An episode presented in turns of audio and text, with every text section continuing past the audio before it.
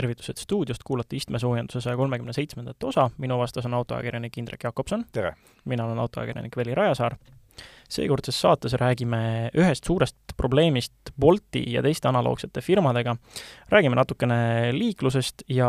tulevast teede remondist, räägime kütusest, eelmise saate Opeli kähkusõiduautode teema jätkuks räägime sellest, mis on võib-olla teema juures natuke pettumust valmistav. Äh, juttu tuleb Polestari uudismudelist, BMW-lt kaks uudist, äh, Teslast, Teslalt loomulikult palju, äh, mainime ära ka, kuidas läks Porsche aktsiate esmaemissioon. Ja no loomulikult Elon Muskist on väga palju rääkida, sest et toimunud on väga palju põnevaid ja ka nördimust tekitavaid asju.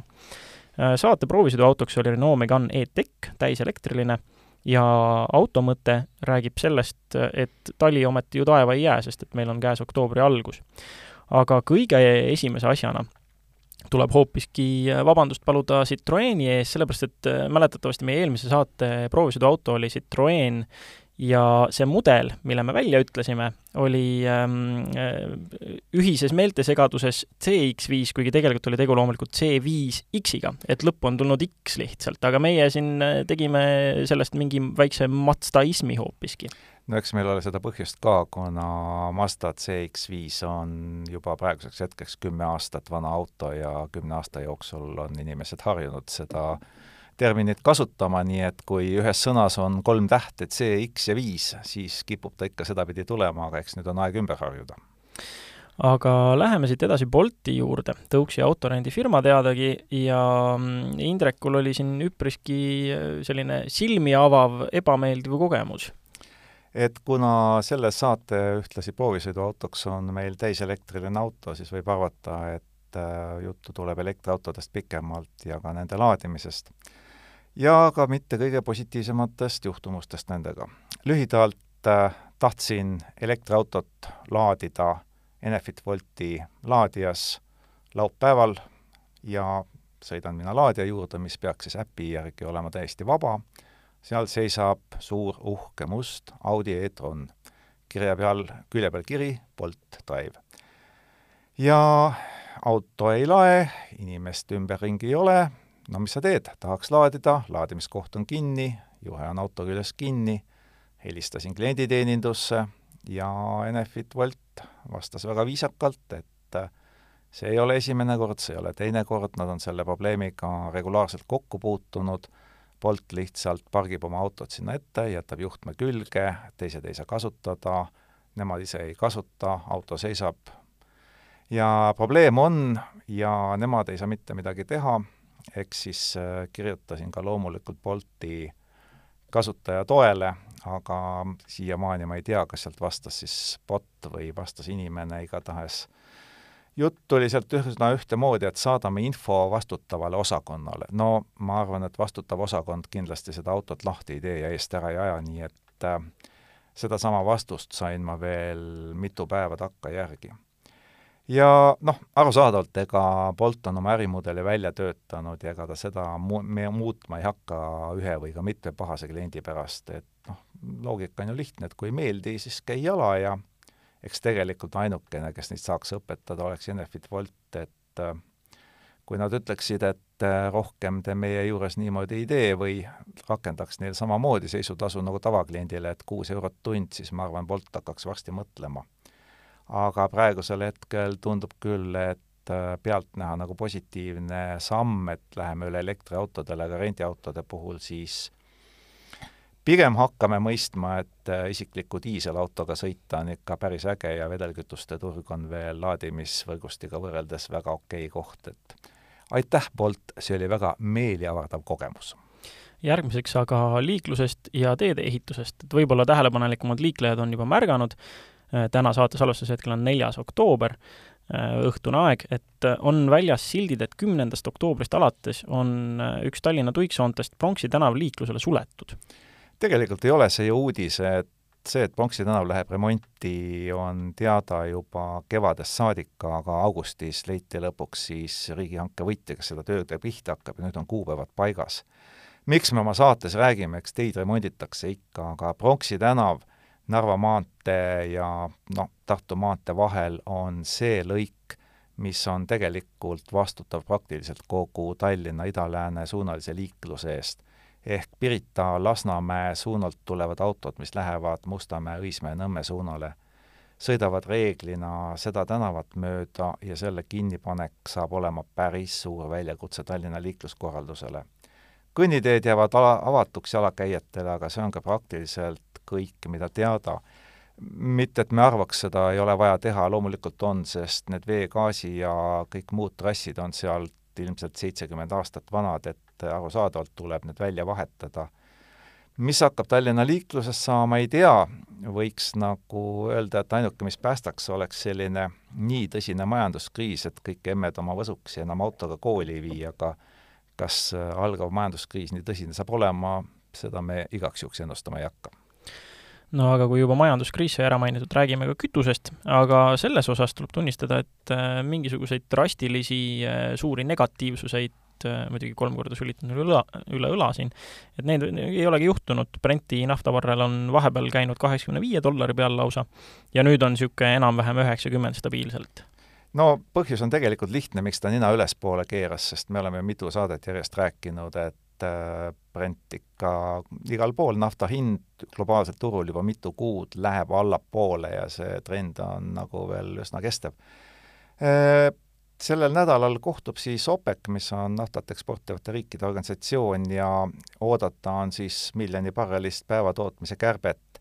ja arusaadavalt lühiajalist väikest mõju see nafta hinnale avaldas, nii et selle peale ka toornafta hind pisut üles läks kui pikaajaline see mõju saab olema, see on omaette teema, sest eks tarbimine ju väheneb ja teenida tahavad kõik. aga miks ei ole noh, see pikalt räägitud äh, nafta hinna langus meil posti otsas kuidagi väga mõju avaldanud, eks üks põhjus ole selles, et nafta arveldamine käib ju teatavasti Ameerika dollarites ja dollari kurss on euro suhtes pidevalt tõusnud, nii et see on noh, kas nüüd tervelt kogu võidu, aga suure osa sellest nafta hinna languse võidust lihtsalt ära söönud. ja just täna tegin ühe makse, mis oligi nii, et äh, to-, juba, juba pidi eurodes olema rohkem kui see, mis arve dollarites oli. see üle pika aja, üle pika aja selline situatsioon. jah, see situatsiooni oleme ikka pidanud ootama, kes ootama, kes pelgama üle kahekohalise numbri aastaid, nii et nüüd oleme selle ära näinud jälle aga kui tarbimisest juba rääkida, siis äh, võtsime vahelduseks ka ette jälle kütuse tarbimise numbrid Eestis ja vaatasime, mis andmed siis praegusel hetkel on septembri esimese poole kohta, teise poole kohta veel väljas ei ole. ja mis silma hakkas, bensiinimüük kukkus siis aastataguse ajaga võrreldes seitse koma kuus protsenti, mis ei ole ju üldse palju, iseenesest täitsa oodatav number diislimüük kukkus seitse protsenti, mis on juba suhteliselt negatiivne näitaja, sest mäletatavasti suvel rääkisime, kui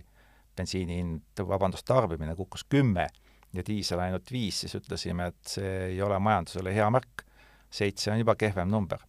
aga mis nagu selles juures silma hakkas, oli hoopis see, et äh, bensiinimüügituru sees äh, on päris suured muutused. et äh, E üheksakümmend viis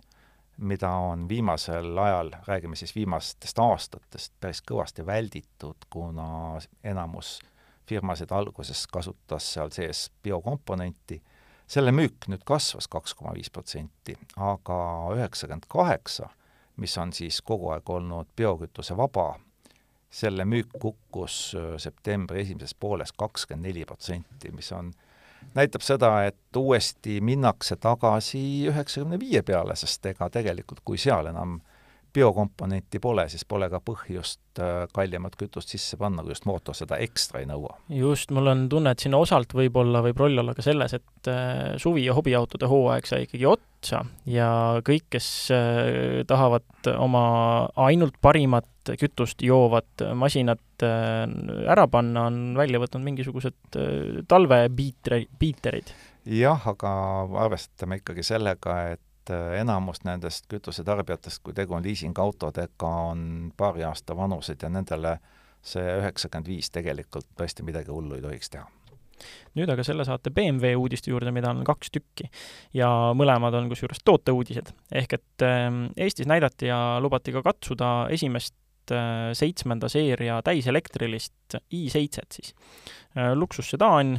erakordselt pika teljavahega, viis millimeetrit pikem kui eelmise põlvkonna kõige pikema teljavahega versioon, nullist sajani neli koma seitse sekundit, viissada nelikümmend neli hobujõudu ehk nelisada kilovatti võimsust,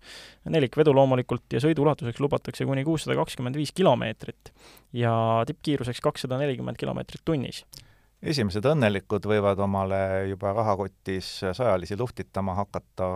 kohe, saate lõpul võite minna poodi ja peate kahjuks muidugi sellega arvestama, et hinnad algavad saja viiekümnest tuhandest eurost, nii et päris kalli autoga on tegemist. No aga samas selle eest ikka saab palju autot, et viis koma neli meetrit ja, ja peaaegu kaks meetrit lai, seda, seda, seda jagub. seda jagub. ja teine BMW tooteuudis on äh, XM,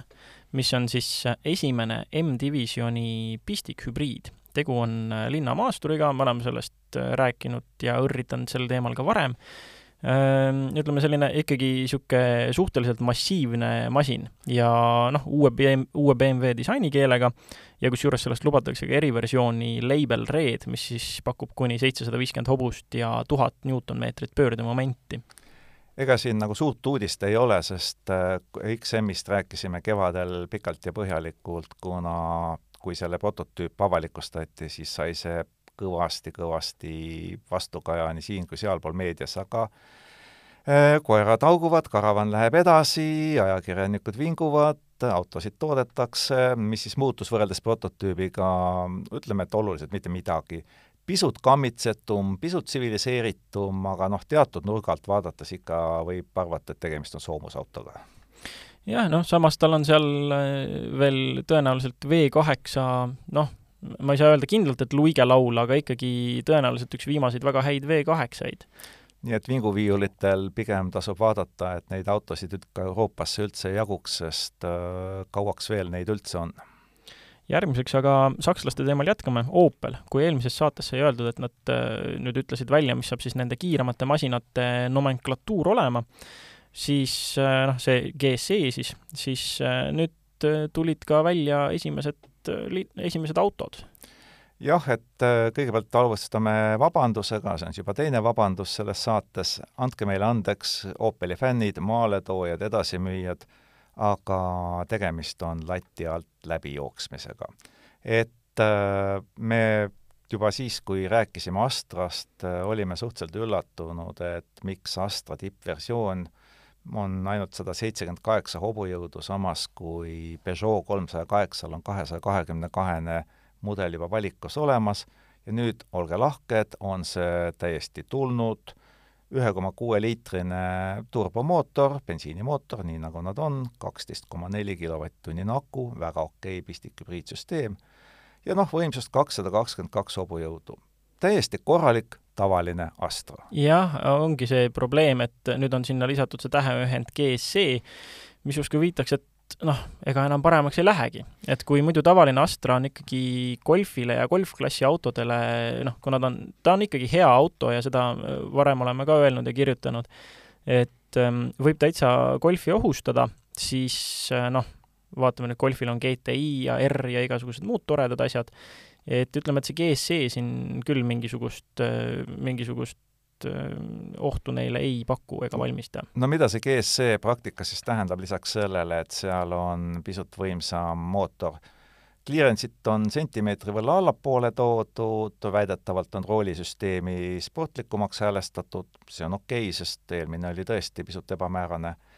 noh, uued on väljed, kaheksateisttollised, äh, esimene põrkeraud pisut teistsugune, GSM märk ja kogu lugu, et äh, seda pudi-padi on vähe Opel, et mitte öelda väga vähe, et golfi vastu niimoodi ei saa, ei hakkagi saama. Aga samas, noh, mida jällegi äh, ütleme, väga sinisilmne entusiast minus loodab, ähm, et noh, GSC on tore küll, aga tuletame meelde, et Opelil kunagi oli ka Opet C, et äkki on veel nagu uks justkui äh, irvakile jäetud, et kunagi midagi kangemat teha, aga no OPC osas ma ei ole pikalt midagi kuulnud tegelikult. ega sellest ei ole tõesti ikka soovmõtlemine. jah, aga pigem võib-olla on tegemist lihtsalt olukorraga, kus Opel veel otsib oma kohta selles Stellantise kontsernis, et kas tast saab äh, pisut sportlikum või jääbki ta selline odavamapoolne pereautotootja, et noh, loodame loomulikult äh, kõige paremat, sest äh, Astra puhul oli nagu vihje juba selgelt antud, et sealt nagu maasturlikkust oodata ei ole, et võiks siis minna sama teed pidi edasi ja teha pisut kiiremaid ja ägedamaid autosid. järgmiseks aga hoopiski rootslased, noh, kes äh, vinguda tahavad, siis hiinlased, aga räägime Polestarist. et nende uudismudel, linnamaastur Polestar kolm, selle puhul on nüüd teada, millal see siis ka päriselt välja tuleb et kui me meie saade, salvestame seda saadet neljandal oktoobril, siis tuleb ta välja täpselt kaheksa päeva pärast, tuleb välja Euroopas, Taanis, Kopenhaagenis ja Kesk-Euroopa aja järgi kell kümme lausa, kui kedagi väga täpselt huvitab, millal ta tuleb. aga noh, rääkinud oleme Polestar kolmest ju tegelikult juba pikalt ja enam-vähem oleme ettekujutuse saanud, missugune ta välja näeb nüüd on seda erinevatel piltidel juba päris palju näidatud ilma mingi sellise katte või kamuflaažita, öeldakse. ja noh, ta näeb neetult hea välja, siin ei ole mitte midagi salata, see auto disain on tõeliselt õnnestunud, kui ta räägib, et tegemist on Porsche killeriga, siis äh, miks mitte. noh, lööge kohe sisse Google'isse Polestar kolm ja vaadake ise ka, väga, tõesti väga kena näeb välja, pole midagi ette heita. jah äh,, linnamaasturi kohta on seda disaini suudetud viia üsna voolujooneliseks, tõenäoliselt ka aerodünaamiliseks, aga mis kõige naljakam selle juures, pange kõrvale siis juba ka uue Citroen C4 pilt ja vaadake, kas leiate viis sarnasust, pigem jah. Ainuke asi, mis mul võib-olla selle disaini peale külgvaate peal just natuke ette heita oleks, mis on selline huvitav noh, ma ei, ma ei saa öelda, et butafooria otseselt, aga aga selline visuaalne meelepett, mis, millest ma tegelikult nagu aru ei saa, on see, et äh, kui vaadata, mis toimub äh, rataste vahel, siis küljekarbi katte selline must lisa, mis äh, visuaalselt tekitab mulje nagu noh, tekitab, kergitab seda mm, clearance'it nii-öelda, et sellest ma nagu päris aru ei saa, et kui te tahate, et oleks nagu asi linnamaastur või maastur, et siis kergitage teda nagu päriselt, mitte ärge tehke sellist visuaali, et et see on analoog umbes äh, sellele, kui mehed endale sokkepüksi topivad, ma kahtlustan. aga no see on juba ilmselge vingumine. Äh, mida, mis detaile me tema kohta veel teame? no ehitatud on ta samale SPA kaks platvormile, nagu ka siis tulevane Volvo EX üheksakümmend, äh, lidarid ilmselt selline küllaltki korralik isesõitmise võimekus, võib-olla on oodata isegi level kolme, ei tea, seda Polestar praegu veel ei räägi. Ja noh, kaks mootorit, nelikvedu, see on kõigil versioonidel, adaptiivne õhkvedustus on juba standardis, nii et mugavust nagu jagub, ja huvitav on see, et kui seda autot tutvustatakse Euroopas, siis ehitama hakatakse seda hoopis Ameerika Ühendriikides, Lõuna-Carolinas, see on muide esimene Polestari mudel, mida USA-s ehitatakse, ja hinnaks äh, arvatakse USA-s, et saab kujunema sinna seitsmekümne tuhande dollari kanti. millal Euroopasse tuleb, pole teada, tuleks see kunagi ainult Eestisse, no loodame väga, aga eks see lootus ei ole väga tugev. aga hoiame pöialt, sest see auto on tõesti ilus ja väärib seda, et ta ka meie maale jõuaks järgmiseks aga lähme Polestari juurest hoopis Riviani juurde ja noh, siin on mitte ainult Rivian ei seisa autotööstuse idufirmana silmitsi probleemidega, mis äh, üha pead tõstavad. Et äh, tundub, et probleemiks on langev töömoraal, et tullakse suure hurraaga peale, aetakse suur raha kokku, aga tegelikult see, mis kulisside taga toimub, ei ole ikkagi kõige roosilisem. Ja eks see on ka täiesti mõistetav, sest äh, suured automaailma gigandid Äh, Ford, Stellantis, General Motors, Toyota, nemad suudavad siiski veidikene rohkem stabiilsust pakkuda kui näiteks sellised äh, noh, kas on nüüd idufirma kohane öelda, aga ikkagi alustajad, Rivian, Lucid, Fisker, et nende kuidas öelda, edu on ju tegelikult mitte ainult investorite usul, vaid ka töötajate usul, kes tegelikult loodavad, et ühel hetkel nii nende optsioonid hakkavad väärtust omama, kui ka see, mis nad teevad, jõuavad kunagi tänavatele, nii et äh, pigem hakkab tekkima selline tunne, et investorite rahast, mida on nendesse uutesse autotootjatesse paigutatud hoolega, enam üksi ei piisa, aga loodame, et varsti lähevad asjad paremaks, sest kolmanda kvartali tulemused on mitmed tootjad juba teavitanud ja need annavad lootuse märke jah, praegu paistab, et Rivian on kursil ja graafikus, et äh, aasta lõpuks saada ikkagi kakskümmend viis tuhat autot toodetud, et äh, just see, et vähe autosid toodetakse, tundubki olevat, osa sellest, miks, äh, miks ka töötajate moraal kipub madalale langema. aga siit läheme edasi nädala börsiuudise juurde, mida tegelikult on lausa kaks, et sai mainitud ka saate intros, et ähm, Porsche IPO-st ehk aktsiate esmaemissioonist räägime.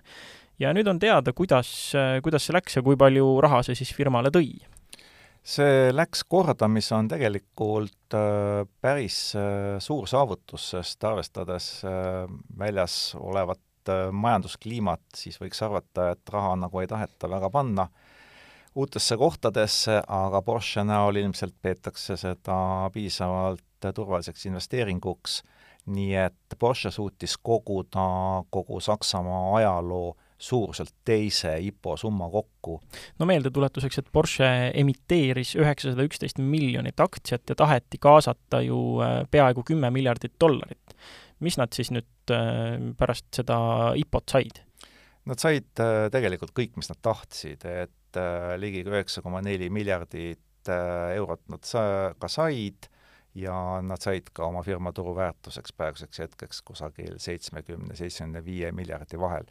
miks äh, selline vahemik, sest eks see aktsiahind alguses pärast emissiooni natukene tõusis, aga pärast seda jälle natukene langes, nii et äh, loomulik kõikumine, aga ei mitte midagi hullu, suhteliselt stabiilne, kõik eesmärgid said täidetud. nii et väga positiivne börsiuudis vahelduseks, aga teine börsiuudis nii positiivne ei ole ja see puudutab Teslat paraku jah, et võimegi minna üle sujuvalt nädala Eloni juurde ja nagu juba saate alguses ütlesime, kolmas kvartal on aeg tulemusi, tulemustest raporteerida ja Tesla on teatavasti üks esimesi.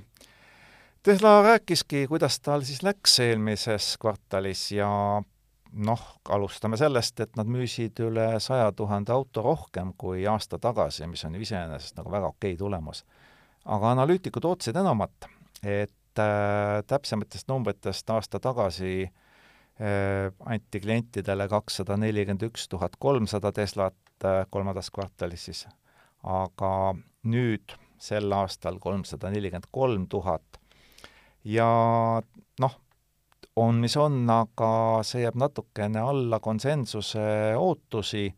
ja see omakorda tähendab, et äh, kui reedel juba Tesla aktsia hind natukene kukkus sinna ühe koma ühe protsendi võrra, siis esmaspäeval taotis see veel kaheksa koma kuus protsenti allapoole. täna on ta küll natukene kosunud, aga mitte piisavalt, nii et tundub, ähm, et äh, noh, Tesla on igav autotootja, sellest oleme juba kvartal kvartali järel rääkinud, aga et äh, igav autotootja ei ole see, mis tagaks Elonile maailma rikkaima mehe tiitli ja, ja no vaadates aktsia läks üles, siis tuli uuesti, või läks alla, siis tuli uuesti natuke üles, et noh, ega Elon nagu palju siin ei ei tee, et seda aktsiat ise boost ida või üleval hoida, et on mitmeid lubadusi, oli vahepeal kratipäev, millest eelmises saates oli juttu, sai läbi või ära sel-, seletatud, mis see kratipäev on, ehk siis põhimõtteliselt tehisintellekti päev. Ja noh, Elon loomulikult esitles seal ka Tesla robotit, Optimust, aga noh, see ei olnud jällegi nagu nii edukas, kui äh, vast ta oleks tahtnud loota. eks see Optimuse esitlus äh, oli pikalt oodatud ja võib-olla sellepärast olid ootused ka varem üles köetud. meenutuseks, äh, eks Elon ju lubas seda aasta tagasi, üle aasta siis näidati rahvale esimest korda selle roboti prototüüpi ja siis oli selle sees näitleja. võib öelda, et bio, biorobotiga oli siis tegu? seekord oli tegu päris ehtsa metallist äh, ja muudest peentest materjalidest valmistatud robotiga, mis äh, jah, liikus laval ise ja tegi seda muidugi julgestuse saatel, ta oli kinnitatud väikeste nöörikestega igaks juhuks, et ta ei kukuks pealtvaatajatele kaela, kui tal äh, paha tuju tekib või jalg vääratab. Elon muidugi ütles, et see kõik on turvalisuse huvides, aga vaatajad ei olnud väga vaimustuses, et äh, noh, öeldi meh, jah, noh, on küll, et selliseid äh, natukene liigutavaid inimesekujulisi roboteid on ju Honda Asimo, neid on varemgi näidatud, aga see, et nad nüüd hakkaksid Tesla tehastes tööle hoolega, tundub, et sinna läheb veel aega noh, ja see on, üks asi on siis lubadused roboti osas, teine on muidugi äh, vana hea Cybertruck, et äh, seal murtud lubadusi me väga ei loe, aga nüüd tuli üks huvitav lubadus Elonilt juurde, et ähm, ta lubas, et see Cybertruck saab olema siis ka mm,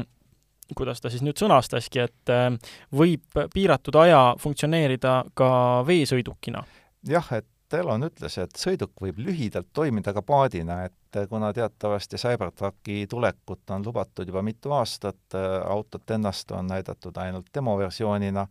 siis tuleb järelikult äh, Twitteri abi kasutada, et äh, investorite ja klientide huvi üleval hoida ja tõepoolest, äh, ega Elonil võib ju õigus olla sõna lühidalt Äh, see võib tähendada väga erinevaid asju. ütleme, võtame kogu selle konstruktsiooni korra ette, et on piisavalt veekindel, et töötada lühikest aega paadina,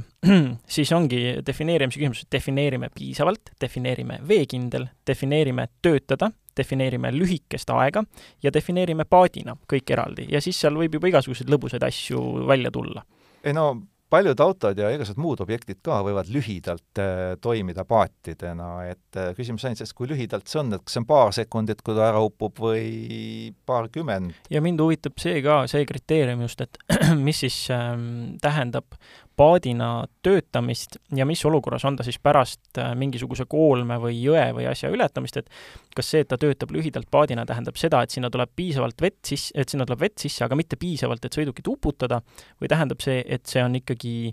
nii veekindel, et sinna ei saagi vett sisse mingitel muudel põhjustel ei, ei toimi ta enam paadina või, või kuidas see siis täpselt on, et jällegi hästi lahtine tweet, väga põnev asi loomulikult aga lõppkokkuvõttes, mida ta meile sellega ütleb, väga mitte midagi tegelikult. no arvestades Eloni värvikat äh, minevikku ja tema tohutuid lubadusi kõigi asjade osas, siis äh, noh, võtame seda lõbusalt ja ootame kõigepealt auto enda ära ja siis vaatame, kui kaugele ta ujub noh, see oli nüüd Eloni katse siis aktsiat kergitada, aga noh, vaatame, mis aktsia langetamine, siiski universumis peab valm-, valitsema tasakaal, on ju, äh, aktsia langetamiseks sai ta hakkama väga huvitavate väljaütlustega, kui ta mm, Ukraina sõja teemadel sõna võttes äh, tweetis justkui väga venemeelselt, et äh, küsis oma jälgijatelt siis, et mida nemad arvavad, et kas peaks põhimõtteliselt Krimmis ja muudel annekteeritud aladel korraldama rahvahääletuse ja üldse soovitas, et et kogu asi võiks päädida rahuga ja Ukraina võiks ikkagi Krimmi jätta Venemaale ja, ja siis jäävad paljud süütud inimesed suremata. ja et äh, tegemist on tõepoolest sellise Eloni postitusega, mis on pälvinud sõna otseses mõttes rahvusvahelist tähelepanu. Äh, sel teemal võttis äh, Ukraina president Zelenskõi isiklikult sõna, küsis, et kumb Elon Musk teile rohkem meeldib, kas see, kes toetab Ukrainat või see, kes toetab Venemaad ja eks see teema on ju tegelikult äh, väga delikaatne ja ühtpidi ka vastuoluline, sest Musk on ju Ukrainas praegu praktiliselt rahvuskangelase staatuses. ja seda ennekõike just tänu Starlinkile, et see on ukrainlastel ja Ukraina sõjaväelastel võimanud, võimaldanud minna mööda kõikvõimalikest internetikatkestustest, mis sõja ajal on ju täiesti mõistetavad. ja väga erinevaid Äh, postitusi on selle peale tulnud, noh arusaadavalt, kui Musk midagi postitab, siis internet läheb kihama ja noh, mõned on soovitanud, et need Starlinkid äh, nii-öelda piltlikult öeldes kaljut alla lükata, et ärge enam kasutage seda, et kes teab, mis sellest infost seal, mis sedakaudu liigub, võib saada, kui jääb mulje, kui äh, siiski, kui Musk oleks venemeelne. et ähm, ja noh, mis Musk veel ütles, on see, et noh, et arvestame, et Venemaal on ikkagi kolm korda rohkem rahvast kui Ukrainas ja kui läheb nagu täielikuks sõjaks, et siis noh, see on ikkagi väga kehv ja nii. Ja kellelgi Twitteris oli loomulikult väga hea soovitus äh, vastu panna, et äh, ja jah, et äh, vaatame Ameerika Ühendriike ja vaatame Venemaad ja Hiinat, et siis ju ka Venemaal ja Hiinal on viis korda rohkem rahvast, et et edasisi kadusid vältida, siis võiks ju kohe Ameerika Ühendriigid tõmmata oma laevastiku ja kõik jõud Vaikselt ookeanilt ära ja anda ühtlasi ka sõbralikult Alaska Venemaale tagasi. Et Elon laskus lausa vaidlusesse Twitteris tuntud Vene opositsionääri Garri Kasparoviga, kes kahtlemata ei ole papist poiss ja Elon ütles selle peale, et äh, meie oleme Starlinki kaudu andnud Ukrainale kaheksakümmend miljonit dollarit äh, tänu SpaceX-ile, me oleme ise võtnud sellega riskid äh, jääda Vene küberrünnakute alla, aga mida sina oled teinud lisaks tweetimisele? et noh, suhteliselt karmid ütlemised. aga samas noh, tuleb siin vaadata ka selle pilguga, et ähm, suure tõenäosusega on äh, selle Muski tweeti taga ka mingisugune uus teadmine, mis puudutab Tesla tootmist, võib-olla on tegu mingi toormematerjali nappusega, mis tuleb varsti kätte, kui ähm, Venemaa jääb suletuks või äh, no ühesõnaga, seal võib väga vabalt olla ka puhas ärihuvi taga ikkagi. jah, sest Tesla ärihuvid on siiski ajalooliselt, kui me vaatame neid Eloni suuremaid ja värvikamaid väljaütlemisi, siis tegelikult äh, poliitikat on seal vähe ja kui seal on poliitilised sõnavõtud ja statement'id, siis seal on ikka mingi Tesla ärihuvi taga olnud. ja noh, laias laastus tuleb tõdeda, et vot kui positiivne, et Elon Musk ise aktiivselt poliitikas ei ole. aga liigume edasi nädala proovisõidu auto juurde ja selleks on Renault Megane E-Tech täiselektriline selle autoga juba äh, nagu saate alguses sai õrritud, päris palju sai ringi sõita ja noh, iseenesest tegemist on teise juba proovisõiduga sellega, et esimest korda sai temaga tutvutud aasta alguses. mida siis äh, öelda? kõigepealt äh, loomulikult võrreldakse seda autot ID3-ga, sest kui vanasti võrreldi kõiki C-segmendi autosid vastu Golfi, siis tänapäeval vastu ID3-e ja tegelikult tundub, et mm, päris okei okay auto, aga kui ma istusin sinna esimest korda sisse ja püüdsin sinna panna oma asju, siis äh, proovisin istet nihutada, sättida, isteasendit, kõike muud. mul tekkis tunne, et ma ei ole tegelikult ID3-s, vaid äh, tegelikult on prantslased väikese golfi valmis teinud no kui sa viitad, et äh, Megane on äh, rohkem Golf kui ID3, siis äh, tuletame meelde, mis on olnud meie põhiline kriitika mm, Golfidele. minu puhul oli selleks see kogu see infolust, multimeedia, kogu see kraam, et igasugused nupud juba puudusid. ID3 puhul mulle otseselt ei meenugi, sellel olid umbes, umbes enam-vähem samad asjad, aga Megane E-Techist rääkides, siis võtamegi esialgu ette selle sõitjate ruumi, et mida seal siis positiivset on Volkswagen AG konkurentidega võrreldes positiivne on ennekõike see, et äh, kui ühest küljest võiks arvata, et see tohutu suur ekraan, sest see auto keskosa koosnebki suurest keskkonsoolist, mis on kõik üks suur ekraan ja lisaks veel juhi ette sirutub väga suur värviline ekraan. selle ekraani graafik on väga okei okay., äh, menüüd on suhteliselt loogilised, ma ütlen suhteliselt seetõttu, et on loomulikult ka paremat loogikat, ja ta toimetab kiiresti need ajad, kui pidi mingisuguse puudutuse peale pikalt ootama, need on minevik. säilinud on äh, hulk nuppe, äh, lugesin kokku, äh, ligi kümme sain, aga probleem on selles, et nüüd hakkavad tulema need väikesed miinused, esimene on see, et kui talvel istud autosse ja on pime ja sul ei ole veel lihas mälus täpselt, mis mingisuguse füüsilise nupu taga on, siis need on valgustamata. ja noh, päris kaua läks proovimiseks aega, enne kui said aru, et äh, mis, kuidas on. Äh, pisiasi tõenäoliselt, kui seda autot äh, aastaid pidada, ei ole see enam probleem, aga kui seda autot kasutab mitu inimest, siis võib sellest tulla väikene takistus aga sõitjate ruumi materjalid, sõiduasend, mugavus, vaikus, munakividest? Munakividest sai sellise korraliku nelja ja miks? materjalid on okei okay,, aga seesama eh, kokku panna hästi-hästi suur plastekraan koos kõike seda ümbritsevaga, see on, see eeldaks nii palju isolatsioonimaterjale, mida ilmselt ei hakata sinna panema, ja seda ei ole lihtsalt võimalik isoleerida ja nii täpselt sättida, ta hakkab munakivi testis natukene klobisema ikkagi küll hästi veidi, aga ikkagi. ja mis teine kui asi, millest rääkida, mis on nagu juba suurem möödalask, on see, et äh, Renault on pannud äh, parematele versioonidele e-tekist korraliku Harman Kardoni erisüsteemi. ja sellest ei ole mitte mingit kasu, kui kõlarid hakkavad plastu plastikut lihtsalt plärisema. ja see on nüüd asi küll, mida ilmselt tuleb neil lähiajal nagu lihvima hakata, et tehasest Tero ilmselt mängib okeilt, aga arvestades, et äh, tippversioonil on seal lausa subwoofer ja kõik muu, siis sa ei saa seda kasutada, sest ta lihtsalt pläriseb. kõlab nagu peaks, äh, kas sa ka heliseadeid ja equalizerit äh, näppisid? oi, ma näppisin seda igas suunas ja, ja noh, kui kõik maha keerata, siis jah, aga kui teda natukenegi sihtotstarbeliselt kasutada, ma ei mõtle, et ma põhja keerasin. plärin, jah okei okay,, nii et tundub, et seal tõesti on siis äh, timmimist ja mingite resonantside vähendamist tarvis ette võtta. Äh, kuidas, äh, aga muidu mugavus ja sõidu, sõidumüra näiteks, kui, kui ei rakendanud plärisevat helisüsteemi? siis on ta täiesti okei okay ja kui kuulata jutusaateid, siis on ka, ka täiesti okei okay,, et selles mõttes midagi halba selles suhtes öelda ei saa. Äh, materjalid tänapäevaselt meeldivad, pehmed istmed, no võib-olla natukene keerulisemalt reguleeritavad, aga samas mitte midagi hullu, selg valusaks ei jäänud. On küllaltki mugav siseneda, väljuda,